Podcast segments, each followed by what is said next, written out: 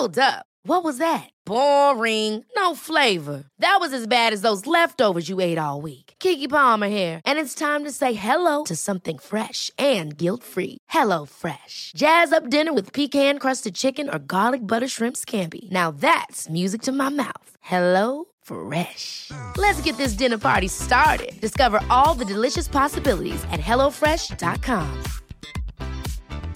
Hi, I'm Daniel, founder of Pretty Litter. Did you know cats tend to hide symptoms of sickness and pain? I learned this the hard way after losing my cat, Gingy. So I created Pretty Litter, a health monitoring litter that helps detect early signs of illness by changing colors, saving you money and potentially your cat's life. Pretty Litter is veterinarian developed, and it's the easiest way to keep tabs on your fur baby's health right at home. Go to prettylitter.com and use code ACAST for 20% off your first order and a free cat toy. Terms and conditions apply. See site for details.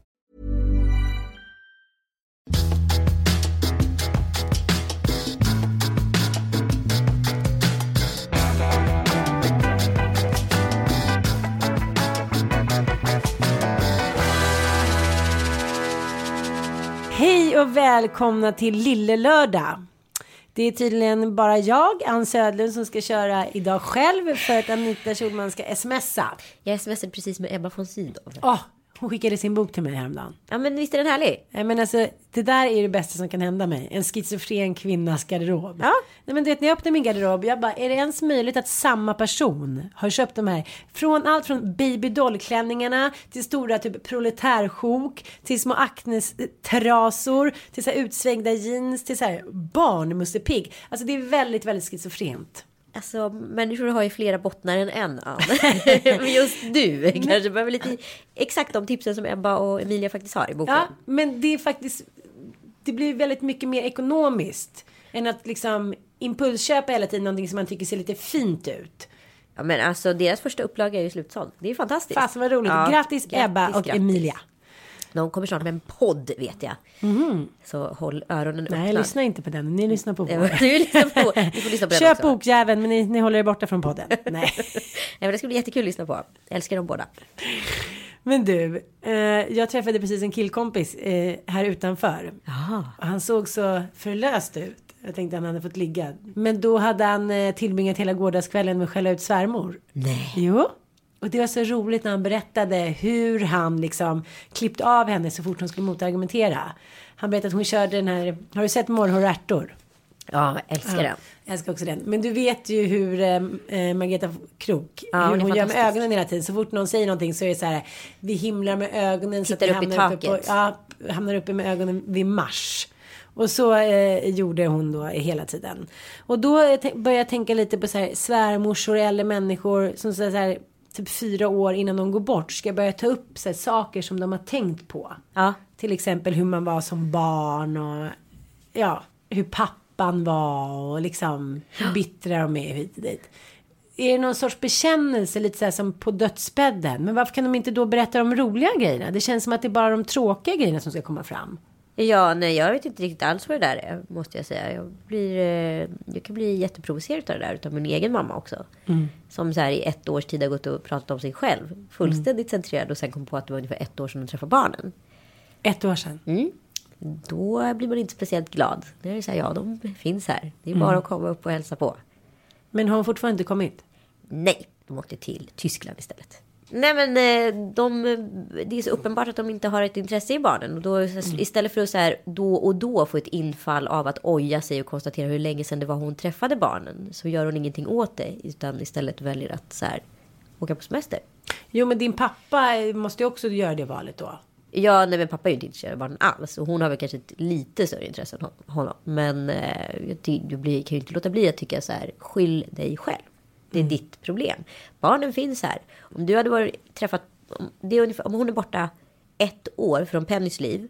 Det betyder att hon ska vara borta ungefär tio år från mitt liv. Det är en fjärdedel av livet. Det är ganska lång tid. Och för ett litet barn som knappt vet vem sin mormor är, är ju det väldigt mycket. Tycker inte det är helt soft. Nej, men kan ni prata om det?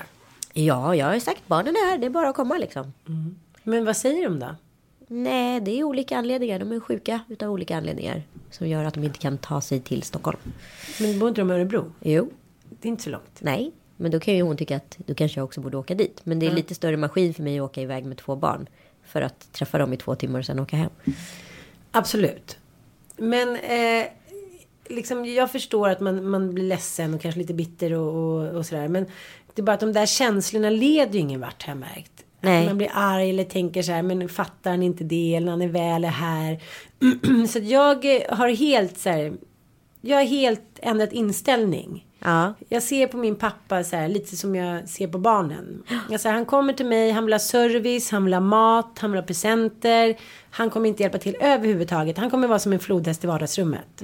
Och då får han vara det. Men då är det så här max två dagar. För sen så så här. Så, så, så är det svårt att ha den inställningen.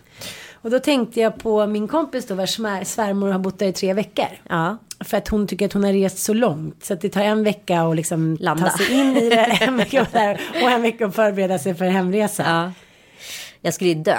Nej men alltså det, man ska inte utsätta sig för det. Då tänker jag på förr i tiden när alla bodde ihop. Men då var man ju beroende av varandra. Man måste ju varit lika irriterad då på den gamla mormor som satt och fes i ett hörn och så här.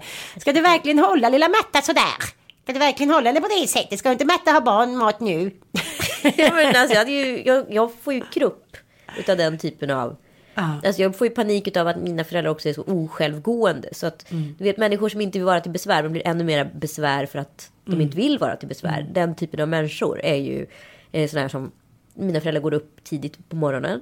Exempelvis sitter de och suckar högt i köket tills vi vaknar. För de vill inte vara till besvär och sätta på kaffet. För de vet inte hur kaffebryggaren funkar. Istället för att så här, kanske då, som man själv hade gjort, ja, antingen hade jag gått ner till 7-Eleven som typ ligger relativt nära och gått och köpt en kaffe. Om jag inte hade kunnat lösa problemet själv. Eller ut, du vet, ens gå fram till och titta på kaffebryggaren och så här, figured it out. Så komplicerat är det inte.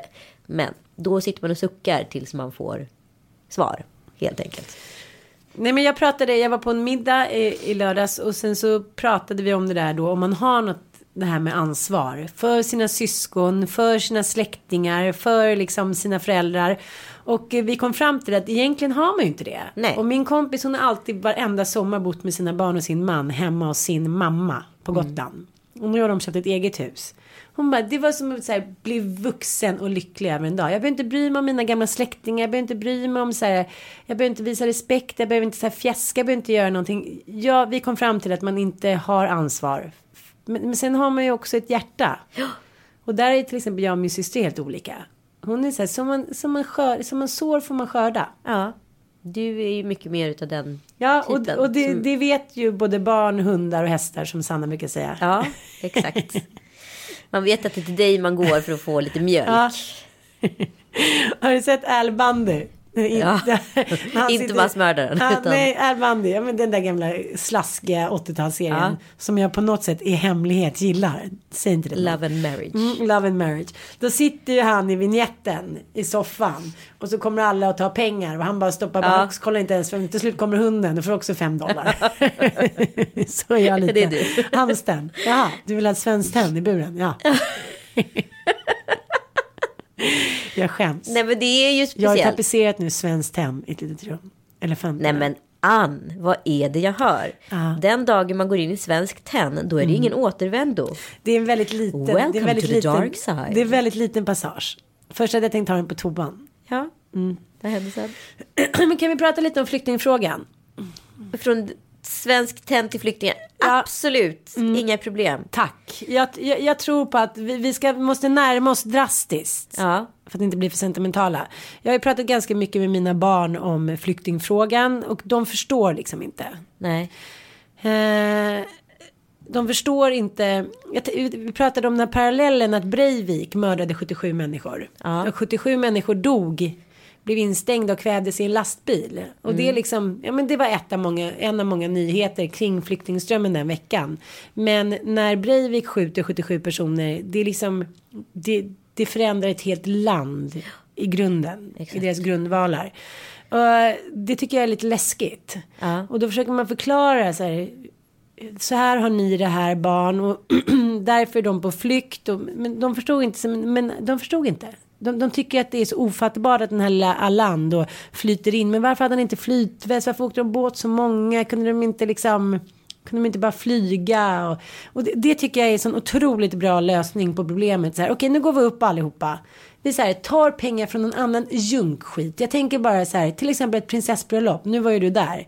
Men det skulle ju kunna så här, flyga typ 100 000 flyktingar Ja, eller bara liksom strunta i nästa B-produktion från Hollywood. Typ Sharknado 5. Som säkert kommer. Det är säkert en budget på så 30 mil. Ja. 30 mil kan man rädda ganska många människor med. Mm. Och vi har ju också väldigt mycket landområden nu när urbaniseringen är total mm. i Sverige. Och var, mm. var, fjärde svensk inom ett par år kommer bo i Stockholmsområdet. Mm. Eh, då kan vi faktiskt ha massa yta som man skulle kunna ha massa människor på. Varför gör man inte en egen stat eller liksom något sånt? Som får, här, här, ni får eh, x antal miljoner så får ni bygga upp ett eget nytt land här. För vi vi kommer nämligen inte bo på landsbygden mm. just i det här området mm. på några år. Så varsågoda. Då är det många som säger att det är så här, blir segregerat och hit och dit. Men jag tänker, hur bor vi nu då? Ja, vi bor ju ändå inte tillsammans. Södertälje, det är inte så att liksom svenska samhället gör mycket för att vi ska blandas här. Nej, verkligen inte. Nej, så ja, men det som jag tycker och jag tycker också så här om vi nu ska byggas på den vision som USA är byggt på. Eh, där alla liksom har samma möjligheter i ett land. Då måste ju alla komma hit på lika villkor och ha samma möjlighet.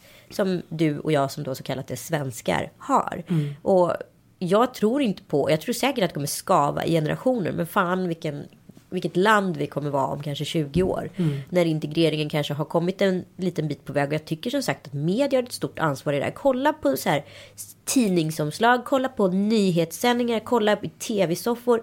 Det är liksom fortfarande 90% vitt. Och det är 90% vita sitter och gnäller om att det inte är tillräckligt mycket mörkhyade som får mm. utrymme och så mm. vidare. Och jag är så jävla förbannad på den här kontroversen. För så här, börjar vi låta mörkhyade synas på ett ganska så här fredat sätt som är totalt ohotfullt. För mm. allt det här skiten byggs ju på rädsla. Och jag har varit så förbannad i Laila Bagges feed där SD nu för tiden är stolta SD där det öppna står och skriker heja Jimmy, backa Jimmy, Jimmy har min rygg. Alltså du vet, i Lailas feed, det är inte hennes fel. Det är bara att det finns så mycket öppna SD nu för tiden. Och unga kvinnor som så här har så dåliga åsikter. Skämmes på mm. riktigt. Skämmes från botten av era hjärtan. Jag tänkte på det när jag såg partiledardebatten i Almedalen till exempel.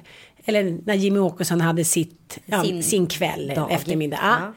Och så sitter det så här unga människor, kvinnor som ser ut som så här du och jag och män som så här verkar vara välutbildade och har liksom både eh, lust och fägingstor.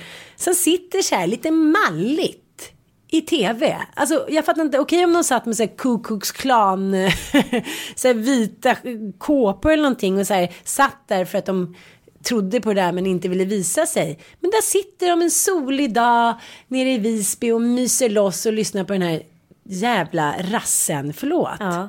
Men är det inte märkligt? Hur har det svängt så fort? För det måste du ändå hålla med om. Bara för några år sedan då gömde man sådana här åsikter. Ja, det var ingen som stod för det. Att det, det kom ut i ljuset, det är väl bara för att de helt plötsligt är ett så här eh, antal att räkna med. Och helt plötsligt är ju ingen rasist längre mm. som röstar på SD. Utan det handlar ju mer om att vi är intresserade av flykting mm. och integrationspolitiken. Mm. Men jag är så glad för att Jimmy inte har kunnat svara på en enda fråga beträffande vad han ska göra med eh, integrationen nu. Det enda han vill är att hjälpa dem i sina så kallade hemländer, vilket inte mm. ens är deras hemländer. Och vad, liksom, Ja, jag blir SD ska nu så här, flytta till Syrien ett tag. Och den här idioten, Erik Almqvist, då pratar om hela tiden att så här, eh, pappa Pippi, när pappa Pippi levde, då var det, hade vi inte såna här problem med invandrare. Och pappa, han säger ett, du refererar till en sagobok.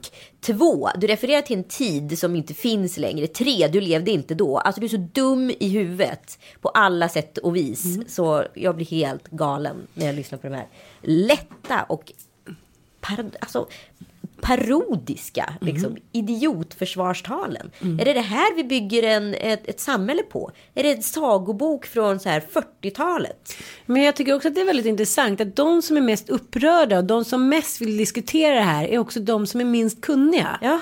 Så att nu har jag börjat med min nya Att när människor inte är pålästa, och det gäller även mig själv, när det gäller den här frågan, vissa frågor kring flyktingpolitik eller integration lite dit. Då säger jag så här, jag tar inte den här diskussionen. För ingen av oss är tillräckligt pålästa. Så att så här, det blir bara fel. Många vill ju också så här, hävda att de till exempel har en rörelse, till exempel om någon har en bensinmack och många kommer in och snattar där. Att de har då rätt att vara rasister eftersom någon har snattat där. Och då blir det så här, det här bakomliggande problemet. Jag tänker bara till exempel på romerna. Ja, men titta på en dokumentär om romerna. Titta på deras historia. Hur de har blivit behandlade som tjuvar. Alltid, alltid, alltid. Ja, och så fort du ser en rom så, så är det någonting som Ah. ringer inom dig. Som en signal. Och jag tror att det här är superintressant. För jag funderar på vissa åsikter är programmerade. Mm. Som att inte svenskar snattar. Ja, men, Herregud, det snattas ju hejdundrande i varenda affär. superhyckleri. Nej, men jag funderar på om en åsikt kan vara programmerad. Alltså förstår du att någonting vi hört från barns ben så pass mycket att den är svår att ändra på. Eller är det liksom upp till en själv att ta det ansvaret? Jag tänker på väldigt många gamla. Det finns ett amerikanskt uttryck som säger det så här. Old people got crap in the corners of their mouth. Och det kan ju vara ganska bra men det kan också vara väldigt förminskande av vad som faktiskt sker. Det är ju många gamla som har svårt med homosexuella. Det är väldigt många gamla som har svårt med just romer och så vidare. Beror det på att de har en åsikt så pass hårt programmerad som har svårt att vända om? Är hårddisken liksom full där? Men jag tycker det är ganska intressant. Jag bodde i Jönköping medan jag var så här 9 och 13. Bibelbälte. Ja. Inte gnällbälte. Nej. Det är där du kommer ifrån. Ja. Örebro. Ja. Och lika mycket som liksom kristendomen och de kristna värderingarna sköljde över en, en gammal Stockholmskris från typ Södermalm. Lika mycket så frodades ju rasism och liksom rädsla för det nya. Det där går ju ofta hand i hand. Att liksom religion och rädsla för det nya.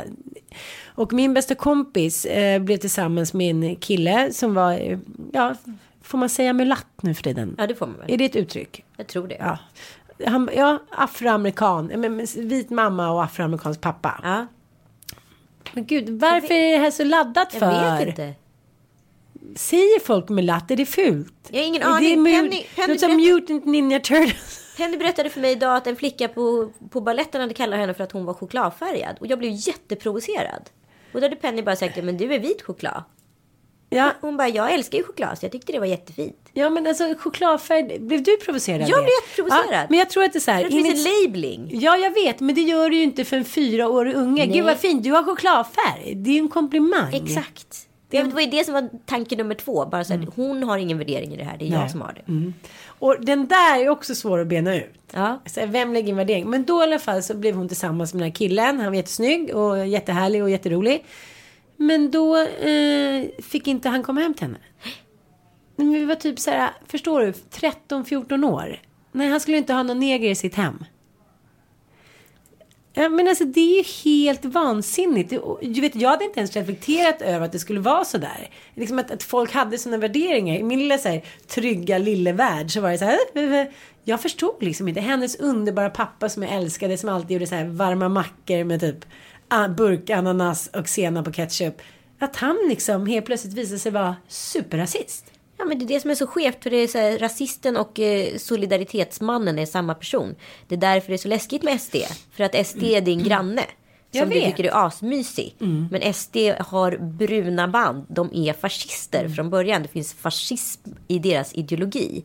Däremot har jag själv tänkt. För jag var tvungen under en period här när jag kände mig så här supertotalt förvirrad. Bara vad är det som händer? Vad är det som sker? Och jag försöker tänka ur ett större historiskt perspektiv. Jag tänker då så här. Är SD det nya folkhemmet? För de håller, pratar hela tiden om det här folkhemsideologitänket. Som ju också hade bruna band i sig från början. Och var en socialistisk ideologi från början. Men det var jättemycket fascista liksom, regler i det. Och då tänker jag, är det här det nya Socialdemokraterna? Fast inte var Socialdemokraterna. Utan är SD det eh, Socialdemokraterna var då? Är det samma provokationer runt där? Finns det, alltså, är vi nu där vi var då? Förstår du? Jag bara försöker förstå tänket för mig själv för att bli, inte bli galen känns det som. Jo, fast jag tycker SD har ju ingen liksom socialistisk grund. Det kan du ju inte säga. Men jag säger inte att de är en socialistisk grund. Jag säger bara att de försöker baseras på en ideologi som då, vad heter det, fascismen också är baserades Ja, på. ja. Alltså det, var, det är samma band och mönster i det. Men det som var ras, liksom det, mycket som är rasism idag var ju inte det då. Nej. Alltså förstår jag, menar, som tur var så har ju liksom positionerna flyttats fram. Ja, nej men jag, säger, jag försvarar mig inte utan Nej. jag säger bara, jag försöker bara förstå det. För jag håller på att bli galen. För jag förstår inte vad som sker i samhället. Du och jag kanske ska göra en Ian och Bert. Men alltså. Nej men då, för länge höll jag nämligen på att tänka så runt SD. Att det här är bara så ny demokrati. Det är någonting som blåser upp just nu. Så här ser det ut i ett land där, där, där det har funnits en längre lågkonjunktur. Bla bla bla. Så här ser liksom de stora cy- cyklerna ut. Det här kommer försvinna. Men när det inte försvinner, när det bara växer och blir mer och mer. Och då tänker jag så här, har alla rätt utom jag? Är det jag som har fel? Eller vad är det här? Jag fattar inte. Men, men just den här, jag tycker att det är så svårt med allting. Jag, jag kan få skuldkänslor för att jag går och tar en thai-massage. Ja. Alltså förstår du? Jag kan gå få skuldkänslor för att jag inte lä- lägger liksom en 50-lapp i varenda tiggares skål. Och det var jäkligt intressant när vi var på Mallis, jag och Sanna med barnen första veckan där efter skolan slutade. Och så var vi i mm, Santa Ponsa. Och det var det första barnen sa, det finns inga tiggare här. Kan man rädda alla då? Ja, men räddar man en räddar man alla, så kan man väl också säga. Men jag tycker att det finns nu, just nu, så står de uppe i halsen med alla så kallade kändisar som ska berätta hur mycket pengar de donerar, hur mycket saker de gör, hur mycket de liksom åker och möter upp flyktingar, hur de eh, har aktioner. Hur de, jag tycker att det är underbart, men det är väl lite som Karin Adelsköld skrev. Jag gör massa grejer, men så här, jag har väldigt svårt för att så här, jag tycker det är väldigt märkligt att bygga sitt eget varumärke på att vara god. Jag personligen undviker också den grejen. Däremot vill jag gärna veta hur man hjälper. Och kan man sprida Absolut. ordet och vara en ambassadör för att hjälpa, absolut. Men att så här, själv bli en godare människa för att man offentligt hjälper. Jag vet inte om jag gillar den grejen. Samtidigt kan jag tycka att det som har hänt, tycker jag, den senaste tiden är att många har använt det de själva kan. För att dra in pengar. Då menar jag inte bara att Schyffert och liksom de åker runt. Det tycker jag var kul. Det tycker jag var Köp oss till, eller, eller hyr in oss till företaget så skänker vi pengarna. Men de gjorde en Supermiss. De sa så här, vi kommer till LA och giggar där. Och då hade Aha. ju Notch sagt så här, bara, nej, fast ni kan lika gärna gigga här. Är det sant? Ja. Då förstod man liksom att de var lika kåta på upplevelsen som... Nej men jag, eh, nej men en kompis som mig gör tavlor och sk- och skriver några lite tecken på. Så sätt in på eh, det här, sätt in på postgirot och så skickar jag en tavla. Det blir som lite så här, lite nyskaparanda. Jag gillar det. Nu är alla med på tåget. Jag och sen ska det. man väl inte klaga på hur det görs. Men jag kan bara jag- vill bara så här, ha en, måla en sån här lekhage, vad säger sån här hopphage som man hade när man var liten. Fast det är bara en Eller rökruta. Ja, en rökruta. en rökruta. Ja, nu lät det väldigt konstigt. Men en sån här rundring där man kan få stå och slippa känna skuld. Eller så här flyktingskuld. Jag känner ju bara nu, våra byggnadsarbetare kommer från Turkiet och nu känner jag skuld inför dem hela tiden. Så jag går och så här köper bullar och mackor och kaffe. De vill liksom inte ha. Ja, Vi är mätta liksom. Nej, nej, nej, här ska ni ha bullar. Så blir jag sårad. Så här, de blir kalla nu, jag rostade lite bröd till er. att det, så här, förstår du, det spiller över nästan till ett absurt sätt. Att man tycker synd om alla. Och, så den inställningen kan man ju inte heller Nej, ha. Man ska Jag vill inte att någon ska tycka synd om mig. Det var Nej. lite som när jag var ensamstående mamma. Eller det är jag ju fortfarande på ett sätt. Ja. Eller jag hade en trasslig relation och, och liksom jag kanske så här läckte lite för mycket så folk fick reda på det. Då vet ju jag att många tyckte synd om mig. Och den känslan, den är ju inte riktigt människovärdig. För Nej. Man vill ju ha liksom frihet, jämlikhet och broderskap. Man vill ju vara tillsammans. Man vill gå liksom, med, inte med krökt rygg. Vem med- är det som har sagt att så här, du är värd mer än någon annan? Och det är det som blir så konstigt när det är så många så här, Mm. vad ska man kalla det för? Filantroper just nu som åker runt och filantropar Mm. sig. För att då blir ju de så här, jag bryr mig därför jag är en större människa. Men vem har sagt att de här människorna liksom eh, ses ner på, vilket Mm. det blir. Man skapar den distansen hela tiden ju mer man säger att man själv är god. Det är som att säga att du är lite mindre god Mm. eller du är mindre bemedlad och så vidare. Jag har en underbar barnflicka från Mm. Filippinerna och jag hjälpte henne att dra igång eget bolag och sådär. Och hon är ju hur värsta powerwoman och har liksom hur många anställda som helst. Hon ser ju på sig själv som en så här entreprenör. Mm. Och liksom entreprenör inom sitt, eh, sitt gebit. Skulle jag då gå och tänka på henne som stackars henne, stackars hon som får uträtta tjänster. Då är, ju, då är jag just elak mot henne. Mm. Hon är ju är jättestolt över det här. Det här är ju ett sätt för henne att frigöra sig från Filippinerna, från, ett, från sin exman som var notoriskt otrogen och allt vad det nu är. Hon har åkt till Filippinerna, skilt sig, flyttat hit, träffat ny man eh, från Irland och liksom bor ihop och skapat ett liv med honom. Och det är så här, hon gör ju allt det där som ingen kvinna i Filippinerna någonsin kan göra. Från henne är det en jätteklassresa. Att ta sig från Syrien, där man har liksom levt under livrädslan utav IS och ta sig hit. Det är ju ett jättesteg. Mm. Men det är ingenting som ska säga Bravo! Jag startade en gång i arbetsförme på Arbetsförmedlingen när jag var så arbetslös och skulle sitta i intervju. Och då sa jag så här, ja men jag har bokat upp några intervjuer. Och vi jobbade med tv på den tiden. Då gick man ju på 10 000 intervjuer. Och så var det något som trillade ner. Då började arbetsledaren med att göra så här, bravo! Jag bara, jag har aldrig känt mig sämre i hela mitt liv.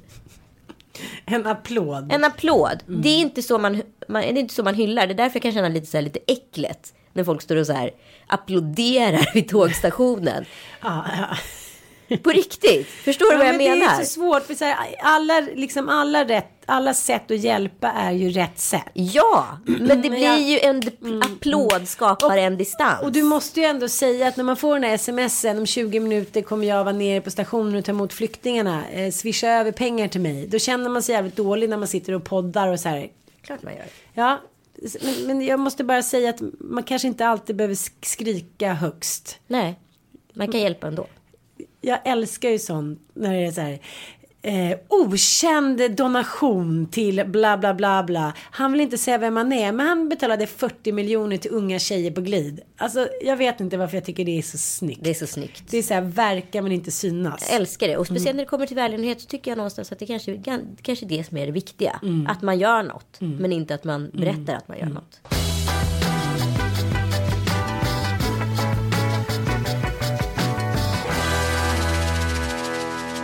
Hoppas det finns några kvar där ute.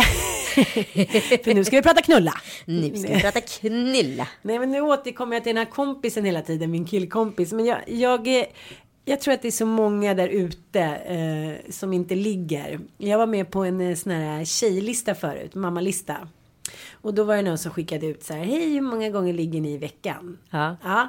Och jag tyckte så här, wow vad folk verkar ha det bra i bingen. Här liggs det både två, tre och fyra gånger varje vecka. Ja, med småbarn och liksom läckande bröst och vabb och så här. Bra kämpat. Och sen så gjorde jag liksom en liten intern mejllista till de jag kände.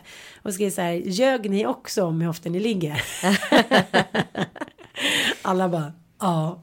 Alla hade liksom lagt på. Ja. Typ om man har haft en bra vecka den månaden när man kanske kom upp i två gånger på en vecka. Då så här, gjorde man en median av det. Ja. Vilket så här, det, det, här var ingen biggie men jag tycker att det för att man ska liksom överleva vardagen så, så här uppar man ju lite. Ja, ja visst. Ja. Och så kan jag ju vara i tider av lite tristess. Då använder jag ju tekniken uppa min man. Ja. Då tittar jag på honom med en, liksom, en liten lins, en kameralins. Ja så, här, så het, så sexig, så härlig. Och så, så bara spelar jag upp den där filmen hela dagen. Ja. Så när då han kommer hem. Nu har jag inte behövt göra det Mattias än för det har inte falnat än. Nej. Då är ju det så här messias som kommer hem. Man får ju ta till grejer. Det pratade du och jag och eh, vi ska inte säga något namn. Att så här, man bara sitter och väntar in att sexlivet eller kärlekslivet ska blomstra fast man tar inte tag i det. Nej, nej, nej. Men kan man kanske förstå själv om man bara så här pippar missionären år efter år efter år och liksom inte gör något mer. Ja, då kanske man till slut tycker att missionär är lite tråkigt. Det är ungefär som att man ska käka pyttipanna varenda dag. Då får man väl liksom hitta på lite grejer. Man får så visa vad man gillar. Man får förklara vad så här vad man går igång på. Alltså grundläggande i allt i en relation är ju att vara kommunikativ. Är man mm. inte det så har man ju missat halva grejen. Mm. Men den här killen som jag min killkompis då. Han och hans eh, fru ligger ju inte, har inte gjort på fem år. Jag vet jättemånga som inte ligger med varandra alls. Ja, och inte har gjort det på många år. Och han säger så här, jag är fortfarande ung, jag håller på att gå sönder. Men så fort jag tar upp det, då är det som att det kommer liksom en sån ångestflod över henne. Men jag gör ju allt för dig, du får leva ditt liv och jag tar hand om barnen och barnen är så lyckliga. Man får skuldkänslor för att de här flyktingbarnen kommer hit och alla är friska.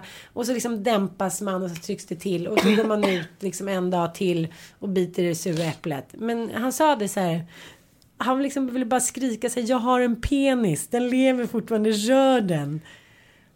han sa det är så himla svårt. Vi har det ju bra och jag älskar henne. Men så här, hon vill inte ha sex med mig. Och så här, det går inte. Och han bara, åren går. Gud, jag hade gått sönder alltså. Ja.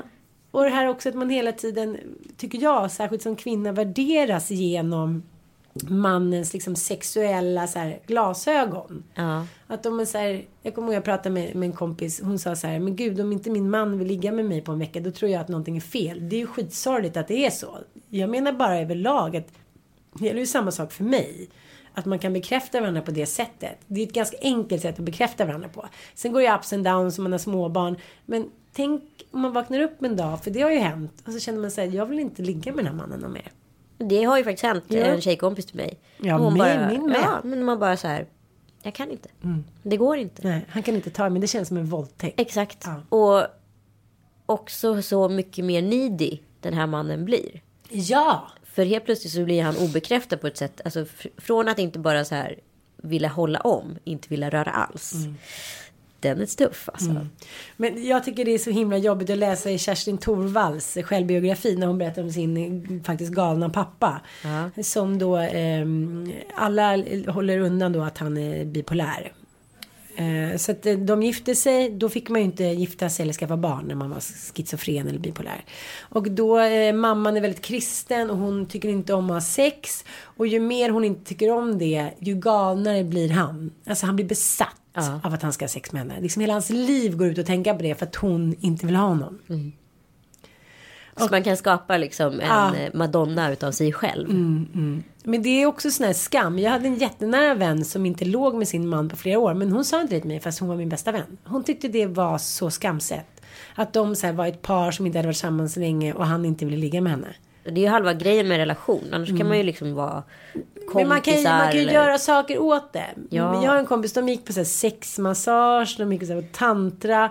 Men till slut så här, jag tror ju lite på så här, när lågan är blown out, då är det så här svårt att tända ljus i den igen. Alltså.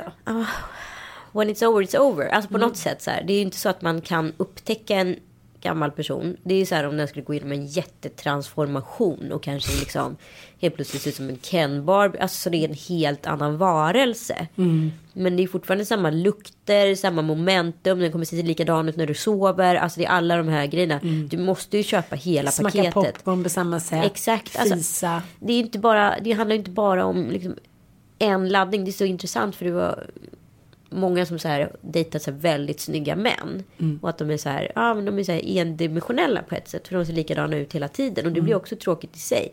Men liksom helt plötsligt när den här väldigt vackra mannen då så här sover och fiser. Då blir kontrasten så otroligt mycket brutalare på något Mm. sätt. Än när en så här mellansnygg man gör det. För det ingår liksom i paketet på något annat sätt. så, så jag tror liksom man måste så gilla läget där. Men det är ju väldigt svårt att vara sig sj- själv riktigt mycket när man, liksom när man är tillsammans med en man som är så snygg så att man så inte kan andas. Ja.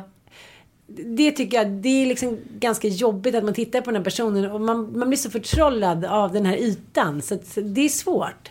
Ja, jag har dejtat så en så här sinnessjukt snygg man. Ja. Och det är så här, det börjar bara titta på dig själv. Helt plötsligt bara tittar du på dig själv och bara så här, men gud, hur ser jag ut egentligen? Och kan jag se ut så här? Och han som är så tränad så, tycker han att jag är sexig och varför tycker han det? Och om jag hade varit lite smalare eller lite si och så, då hade jag kanske varit bättre. Ja.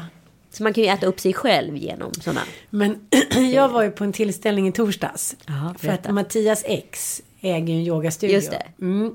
Och hon är ju så här före detta supermodell. Ja. Ja, hon är ju så här. Nej, men vad? Hon är din nemesis skulle man kunna säga. Ja, ja. Jag nämnt henne förut. Ja men precis. Men jag tycker bara att eh, hur det kan vara att man har en föreställning om någonting och det man säger, men gud jag är inte intresserad av att träffa några gamla ex. Och så här, man bygger upp någon värld, man tittar på lite bilder. Och, ja, men det blir så här som en liten äh, chimär. Tänk så här, då hade hon bjudit in oss och vi gick dit. Och jag hälsade på henne så här. Hur var det då? Nej men det var jätte, hon var jättegullig och trevlig och liksom väldigt, väldigt lång. Ja. Och då blir det så här, jag tycker ju att jag och Mattias här, passar väldigt bra ihop. Ja. Ja men det gör vi ändå. Ja, men liksom. så här, vi har samma så här, vi har samma energier ungefär. De Ja. kan gå snabbt upp liksom. Och det är mycket skrittskratt och så här. Vi är väldigt mycket, jag har aldrig varit så mycket mig själv. Och det tror jag också handlar mycket om det där med sexlivet och jag varit så här för att gud man kan inte öppna dörr, man kan inte kissa för någon annan och man kan inte fisa och hit och dit. Och nu är det lite så här, men gud han älskar ju mig typ som jag är. För den jag är. Och då känns det inte som de där grejerna som någon biggie för liksom längre. Nej. Nej, då är det inte så här, jag är inte bara en sexuell varelse för honom som han så här, ska sätta upp på någon piedestal. Utan så här, han sparkade ner mig från den där piedestalen direkt. Så, att, så här, då spelar det ingen roll om jag sitter med öppen dörr och Alltså det är väldigt befriande. Jag har ju varit så otroligt hård motståndare och så här, hållit långa liksom anföranden kring ett så här par som har öppen dörr när de kissar och sådär. Där finns det inte mycket kvar alltså. Där finns det inte mycket kvar. Ja men så, verkligen så patetisk surkärring. Typ. Ja. ja men lite så här ogin. Nej vi kom dit men då, då tänkte jag så här. När jag såg dem bredvid varandra så tänkte jag men gud det här är det mest omaka jag någonsin har sett. Nej. Jo men jag kände verkligen så. Spännande. Och jag tror inte att jag kände så för att liksom jag blev sotis. Utan så här, jag kände verkligen så här. Det här är ett mirakel att de här två var ihop i tre år. Och så försökte jag så här. För Mattias var väldigt nervös. Alltså han var jättenervös. Och han bytte skjorta. Och, Nej. och, han bytte, och det var håret. Han gick på dejt? Ja, han gick på dejt. Ja, men det här var jätteviktigt. Han, hennes föräldrar skulle vara där. Och hennes liksom, syskon. Och så här. Han skulle ju komma tillbaka. Ja, till sin här, gamla familj. Ja, och så här. Har lyckats på något sätt. Hemvändaren. Ja. Och jag var så här, men det spelar roll, han bara, ska jag ha vit t-shirt? Men då ska jag ha en gammal golf-t-shirt nu? Alltså, så allting blev bara märkligt. Jag bara, ska nu går vi. Och han skulle inte ha någon champagne, han skulle ta hand om Bobo som var då hans lilla vapen. Ja, just det. Var skölden. Jag bara, men ta ett glas, "Mm, jag tar sen liksom. Och det var så himla mycket med det här. Och hon var bara så här, ja men lite witty, jag hade dragit några glas champagne, jag hade så här, gjort hela yogasalongen till så här 20-tal. Så jävla fint. Och hade någon hatt och 20-talsklänning. Och hon var så här, hade sin nya snubbe med. Och det var ingen liksom grej. Det var så himla kul så jag har gått och tänkt på hur de hade det. Jag bara, ni hade det så här. Ni kom hem till ert hus där på Lidingö. Ni liksom grillade någonting, så hade ni hämtmat. Ni tog liksom ett glas vin, kanske rökte en smygciggepillis. Gick och la Det var aldrig stökigt, det var alltid all fresh. Han gick med henne upp sex på morgnarna och tände ljusen i yogastudion. Det blev en yogis. Han var liksom så som tjejer brukar vara. Han så här transformerad. Men alltså så många par är som bara dejtar varandra under samma tak. Men överhuvudtaget inte känner varandra. Och jag har ju själv varit i sådana relationer där man bara så här. Jag vet inte vad hans innersta tankar är. Det kanske jag inte ska veta heller. Men jag har ingen aning om den här människan jag lever med skulle så här föredra. Om han skulle vilja rött kött eller skulle han vilja fisk. Jag vet inte, jag kan inte säga det.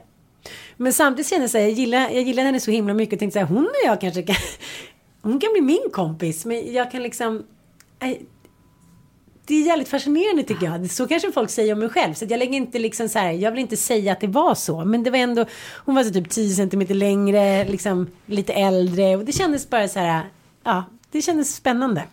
På alla sätt och vis. Ja, men det tyckte jag ändå var lite stort av mig. Och av Verkligen. henne. Jättestort. Det är ni två som går se- segrarna här. Ja, ja. Jag vill ju stanna kvar. Mattias bara, nu är det liksom inte fint att vi stannar längre.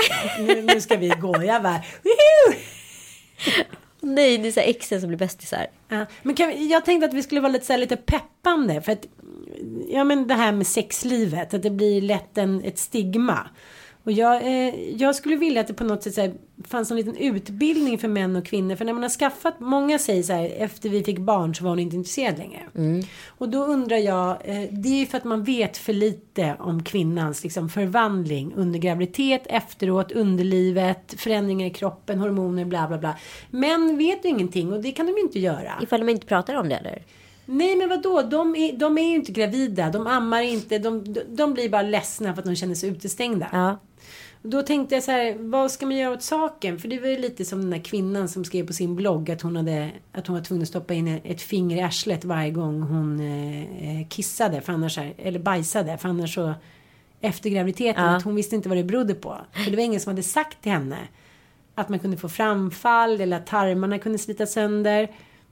Och det var som jag träffade en kompis häromdagen. Hon har ju nästan fått framfall. Det pratas ju ingenting. Nej, nej. För, för mig låter framfall som att det är en åttaårig dam som har fått 13 barn. Och sen så här inte knipigt. Och sen går hon på stan och sen ser plötsligt så ligger det typ. Ligger paketet på gatan. Ja, så tänker jag med ett framfall. Men så är det ju inte. Man kan ha lite framfall. Slidväggen kan liksom flytta sig. Det finns. Jag känner bara så här. Berätta lite för era män. Även fast det låter avtändande. Säg så här. Ja men nu funkar inte riktigt på samma sätt för mig. För det är inte så himla lätt att vara man där. Det måste jag ge dem. Nej men verkligen Men tycker inte du att din sexualitet har förändrats efter barn? Jo, fast det låter ju så här grisigt i det här sammanhanget. Men jag tycker till och med att den har blivit bättre. Alltså för man är mer bekväm med sin kropp. Jag håller med dig. Men jag träffade en kompis häromdagen. Hon har fått någonting har hänt efter hennes andra graviditet. Så att hon får orgasm efter två sekunder när hon ligger. Nej, gud vad Jo, Han stoppar in gratulerar. den så bara Halleluja! Och han är så här, hennes man är inte lika nöjd. Han bara, sen är det klart. Sen är det klart. Bara, sådär, sådär kvinnor haft det i alla tider. Exakt. det var härligt. Så nice. Så det har blivit, något- tänkte jag säga, I'll have what she's having. Roligast som hände mig och Kalle, men det har ju han berättat någon gång tror jag. Eh, Det var ju när vi var helt nykära. Han kom hem på snusen efter någon sån här middag. Och jag var hemma och vi, var ju, hade- vi hade varit ihop i två, tre veckor. Det var verkligen så nytt.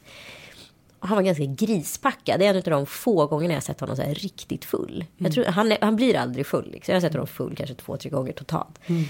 Och han ville såklart hamna i säng och man var väldigt nykär. Så vi höll väl på där Filade. och filade. Och som det kan vara för män då Mm. kan det ju ta ganska lång tid. Alltså väldigt lång tid. Så jag hann ju liksom Fila tröttna. naglarna. Jag, hade, jag kunde ju typ sitta och kolla på tv eller göra något annat under tiden. Han höll på och greja där, inte fan vet jag. Liksom. Mm. Så till sist sa jag bara, men du älskling, jag tror jag måste liksom sova nu och hålla på ett tag. Sen så somnade vi och så var det inte så mycket mer med det. Men Kalle var väl inte liksom riktigt på det klara med vad som hade hänt dagen efter. Så han skickade så här ångest-sms till mig där han uh, beklagade sig för att han var en sån happy trigger. och jag bara, happy trigger, var det där happy? Då är jag totalt ohappy i sådana fall. Liksom. Då är jag väldigt intresserad av en fortsättning. Så han trodde liksom att han hade varit lite för snabblevererad. Jaha. Han hade glömt bort att han håller på i ungefär en timme. Jaha. och skavt. Jaha. Nej men det är sant. Nej men gud vad konstigt. Jättemärkligt. För I vanliga fall är det det som är problemet tycker jag. Att det går lite fort. Jo tack. Jo tack. Ja, man tänker så här att de ska bli äldre och typ lära hantera sig. Jag tänker på Sting. Han som kunna hålla på i 11 timmar. Det tantrasexet med Ja, Sting. det hade jag. Liksom, jag Det tänk- är, det, det är det läskigaste jag har hört talas om. Alltså Mm. jag tänker på, tänk om man hade fått med en sån här tan- tantrasexman hem. Mm. Och han skulle hålla på och knulla i 11 timmar. Jag skulle vara helt förstörd. Nej men det här att hålla på så här långpannor. Nej, nej, nej, nej, nej. Men, men det finns ju vissa män som gärna vill hålla på liksom länge med allting. Och förlåt, jag tappar intresset. Ja, men folk som håller, håller på länge där nere och liksom hålla på länge Mm. Där uppe. där uppe. Nej men du vet. Jag har tjejkompisar som är så här, de vill ligga, maratonligga liksom i 12 timmar. Det är typ det bästa de vill. Det är det värsta jag vet. Ja, men alltså de första så här, två månaderna då är ju både hippen och happen. Men, men Ja men då gör man ju 1800 snabbisar, det är en Mm. annan sak. Men att så här, ligga i sängen och ha maratonsex i två timmar för att sen ha en liten typ, vattenpaus för att sen fortsätta. det är helt av. Ja, totalt Du behöver inte hänga upp mig eller piska eller så här, massera mig eller så här. Jag kan komma ändå. Vissa som är så här, jag kan inte komma igång om inte jag får en massage innan. Man bara, okej, nu är klockan typ 12 på natten, alla sover. Ja, då sätter vi igång. Jag skulle ju somna. Ja, men det Det är hemskt. Ja, men alla har vi olika preferenser. Det, det, det, inget är eh, sämre än det andra. Men, men ja, jag tror ändå att eh, vi återkommer ofta till det här att man bör ligga. Men det kanske finns de som inte har något behov av det på riktigt. Nej men nu, det tror jag också absolut. Och jag tror det behovet kan liksom. Som sagt, man köper ju hela paketet. Det kanske ibland kanske bara räcker att bli omhuldad och liksom känna att man är trygg och nära någon. Man kanske inte behöver bekräftelse i sex. Det kanske finns på annat sätt, men jag vet inte vad det är. Nej. Om ni vill säga till oss vad det är för sätt så är jag faktiskt intresserad. Ja, på riktigt. Vad ska man säga det då? På Ja, YouTube? Då kan man skriva på våran Facebook. Ja. Och apropå YouTube. Vi måste Ja. prata om en grej. Ja, okej, okej. Jag vet vad vi ska ta upp. Ja, Balletten. ja men alltså så här. Vi måste börja någonstans. Ni ska skriva till oss på vår Facebook. Nu kan vi släppa det här, okej? Nu går vi vidare. Jo, men så här. Jag tänkte på en grej. Eh, du vet Fat Jewish. Ja. Eh, som är väldigt stor på Instagram. Här- Älskar. Älskar. Det är ett humorkonto. Han har under ganska lång tid eh, kapitaliserat på andra mindre humorakter på Instagram. Det är nästan en nisch i sig själv där. Att vara rolig på Instagram. Eh, dels har folk så här ättat honom så att han fått eh, reda på att den här eh, grejen finns. Plus att han har följt massa olika människor och fått annan info. Så att han har liksom tagit skämt. Kan man säga så? På Instagram. Och nu har folk blivit arga på det här och eh, ja, reagerat på det. Och massa komiker har typ gått ihop och ja, sagt att han är en bluff och sådär. Så tänker jag väldigt mycket på så här Killinggänget från när vi växte upp, när den här hu- den nya humorn. För det här är också en typ av ny humor. Eh, det handlar väldigt mycket om eh, att man skriver en rolig text till en bild som uttrycker något annat och så vidare. Eh, då var det många som så här, gjorde en grej utav att så här, dra ett Killing-skämt. Förstår du? Att de gjorde sin egen parodi på Kapten Klänning och kunde bli lite så här hjältar på festen. Ja, absolut. Ja, eller vara Ja, men liksom... Kurtan. Ja, Ja. alltså hur många Kurt Olsson har vi inte haft på fester?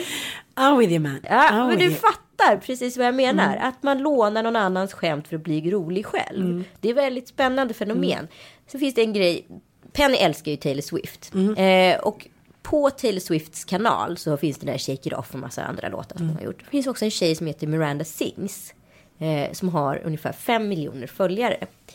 Taylor Swift i hennes video Shake It Off. Vi kommer spela upp de här låtarna.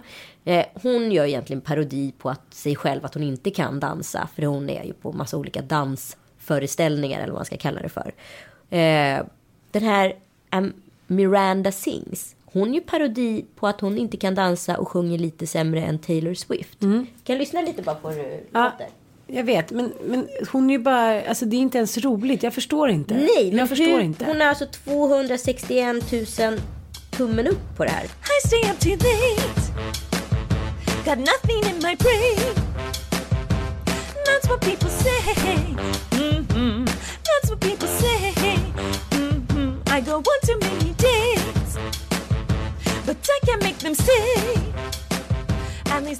Men okej, say. men kan inte du och jag spela in en sån där och se hur många likes vi får? Det är min utmaning till dig och mig. Hur gick det att vara prinsessa då för en vecka? Det gick jävligt dåligt ska jag säga dig. Men skit i det nu. Nu... För jag undrar vad är humorn i det här? men jag Varför förstår kan den här inte. människan ha fem, tus- fem miljoner prenumeranter? Vad är det som är kul? Kan någon förklara det? Okej, men o- om du och jag skulle ställa oss i såna här kjolar och så här måla våra läppar och så har den där videon i bakgrunden eller någon annan video. Skulle vi kunna få så här många likes då? Vi kan väl testa? Ja, men ärligt talat, Ja. nu blir jag väldigt, väldigt taggad. På att göra dålig humor. Ja. Jag känner mig inte lika pepp. Men jag är med dig på det Nej, sociala bara, experimentet. Precis, det är bara ett experiment. Att så här, det, det måste ju ändå så här, vara fördel kvinnan. Om man så här, bara gör sig lite ful och lite tokig och crazy banana och, och så här, låtsas att man är dålig på någonting som är typiskt kvinnligt. Är det då man får med sig den stora massan? För då är jag gärna med. Ja, men alltså, För enda jag behöver hon- inte fejka där. Jag sätter mig på en häst, ställ mig, jag var med på, jag gick ju på balett en termin. Ja, Många skrattade. Jag red en termin. många, Många, grät. många krattade. Men jag tror, jag tror att jag egentligen skulle ha fötts till man. Det tror jag med. För att när jag har skägg på mig. Nej, men, När du inte rakar dig menar du? när jag låter mitt skägg växa. Vet ni att nu håller jag tyst när jag skrattar så man ska höra Ann. För annars låter bara jag som en hysteriska. Jag måste ha mer låtande skratt. Hör du tyst Ja, och men när jag Alltså, har mustasch och skägg på mig. Då händer det någonting med mig. Alltså mitt ansikte är väldigt bra för det. Jag har ju väldigt, så här, jag ganska. Jag säger att jag har stor näsa, men jag har ganska så, stora ögon. Alltså, Ja, du är så söt så. Ja, men- ja, jag kanske inte har typiskt kvinnliga drag där, så kan vi säga. Så tillsammans med, eller modelldrag alla 80-tal. Så att med skägg och sådär så är det lite som att mitt ansikte kommer till sin rätta. Och då tänkte jag så här att för, för typ på 1600-talet kunde man ju bli mördad. Om, då blev man ju så här hängd om man låtsades vara man. Just det. Ja, men, men jag tror att jag skulle varit en sån kvinna. Som hade dragat. Nej, som hade så här, låtsats vara så här, militär eller någonting för att få så här, ja, leva ett friare liv och kanske kunna ligga med mycket olika män när jag erkänner då att jag var. Kvinna. Ja, det var ju ganska vanligt. Det är många inom historien som har gjort det. Som Iran får man ju, fick man ju inte ens gå på eh, fotboll fram till bara för några år sedan. Då har kvinnor i alla tider klätt ut sig för att de vill här, spela på mannens spelhalva och utnyttja deras territorium och den friheten. Och då eh, gjorde jag det en kväll. Jag satte på mig skägg och eh, så här. Jag gick ut på Fredsgatan 12 som en hipster. Hur var det då? Nej men Var jag... det bara så här, gud vad konstigt, där står han Söderlund med Nej. skägg. det här är så crazy. Låt oss snacka med henne. Kan någon, kan någon ringa akuten, psykakuten? Nej, jag vet, nej, jag dansade med några tjejer och sådär. Våra tekniker Thomas håller på att garva brallorna. ja, jag vet inte vad det ska leda till. Men jag gjorde det där när jag bodde i Paris. Jag klädde ut mig i poncho och målade på skägg på ansiktet och gick ett, runt, ett varv runt kvarteret. De bara, varför går den där vargen och... Vilken liten man! Var är julklapparna? Men du vet också när man så här försöker vara be in character. då- tar man ju också ut svängarna lite mer. Liksom. Man, tar, man går ju lite slappare än vad man kanske borde. Det finns inga män som går sådär. Du bara, du glömde klackarna. Men okej, men då ska du och jag, vi ska ha ett alter ego. Vem är då ditt alter ego? Det är en liten så här Men jag, kedjerökande jag får vara en liten så indier. här Antonio Banderas kille. Jaha, du vill inte vara en liten, du är rasist. Du vill inte vara en liten indisk storrökande pimp. Alltså, jag tror inte jag ser ut som en liten indisk storökande pimp. Man måste ju vara någon som man känner till, eller? Annars blir det så Ja, det är svårt. sant. Det är sant alter ego. Eller ska jag vara så här Michael nej, Jackson? Nej, det är sant. Då var ditt alter ego Antonio. I'm with you woman, I'm with you. Vem är du då? Och jag bara Patrik Sjöberg. Okej, Nej, nej, vad, nej. händer med det vill sociala vara- experimentet? Då vill jag vara Brad Pitt. Okej. alltså det här är så konstigt. Vad håller vi på med? Vad, vad leder Ja, det det här här ska till? leda till att vi ska så här, leka med de sociala normerna och, så här, och Och vi könsöverskridande. ska alltså vara då Brad Pitt och Och Antonio Banderas och göra en video på YouTube Ja. där vi imiterar någon. Alltså det här är väldigt förvirrat just nu. ja, och så ska vi se om folk tycker det är roligt. Ja, okej. Okej. Okej. Nu kommer ju alla skratta åt oss, inte med oss. Det förstår du. Ja, det gör ingenting. Men jag måste ändå bara prata lite om det där falska kärleksbrevet som cirkulerade för ett tag sedan. Vad var det för något? Nej men så här, det var någon som hade Ja, låtsats att det var Brad Pitt. som sa att han var Brad Ja men då bara tänker man så här, när man läser det här undermåliga språket. Och där är så här, typ han kunde ingenting om cancer, han kunde ingenting om deras, och folk går på det. Det är så här hundratusentals som det och då tänker jag så här, det går ju att lura en hel värld. Tack för idag, eh, det var Lillelördag är slut. Snart kommer vi tillbaka som vår alter ego, Antonio Banderas och Brada Pita. Love ya. Ti amo.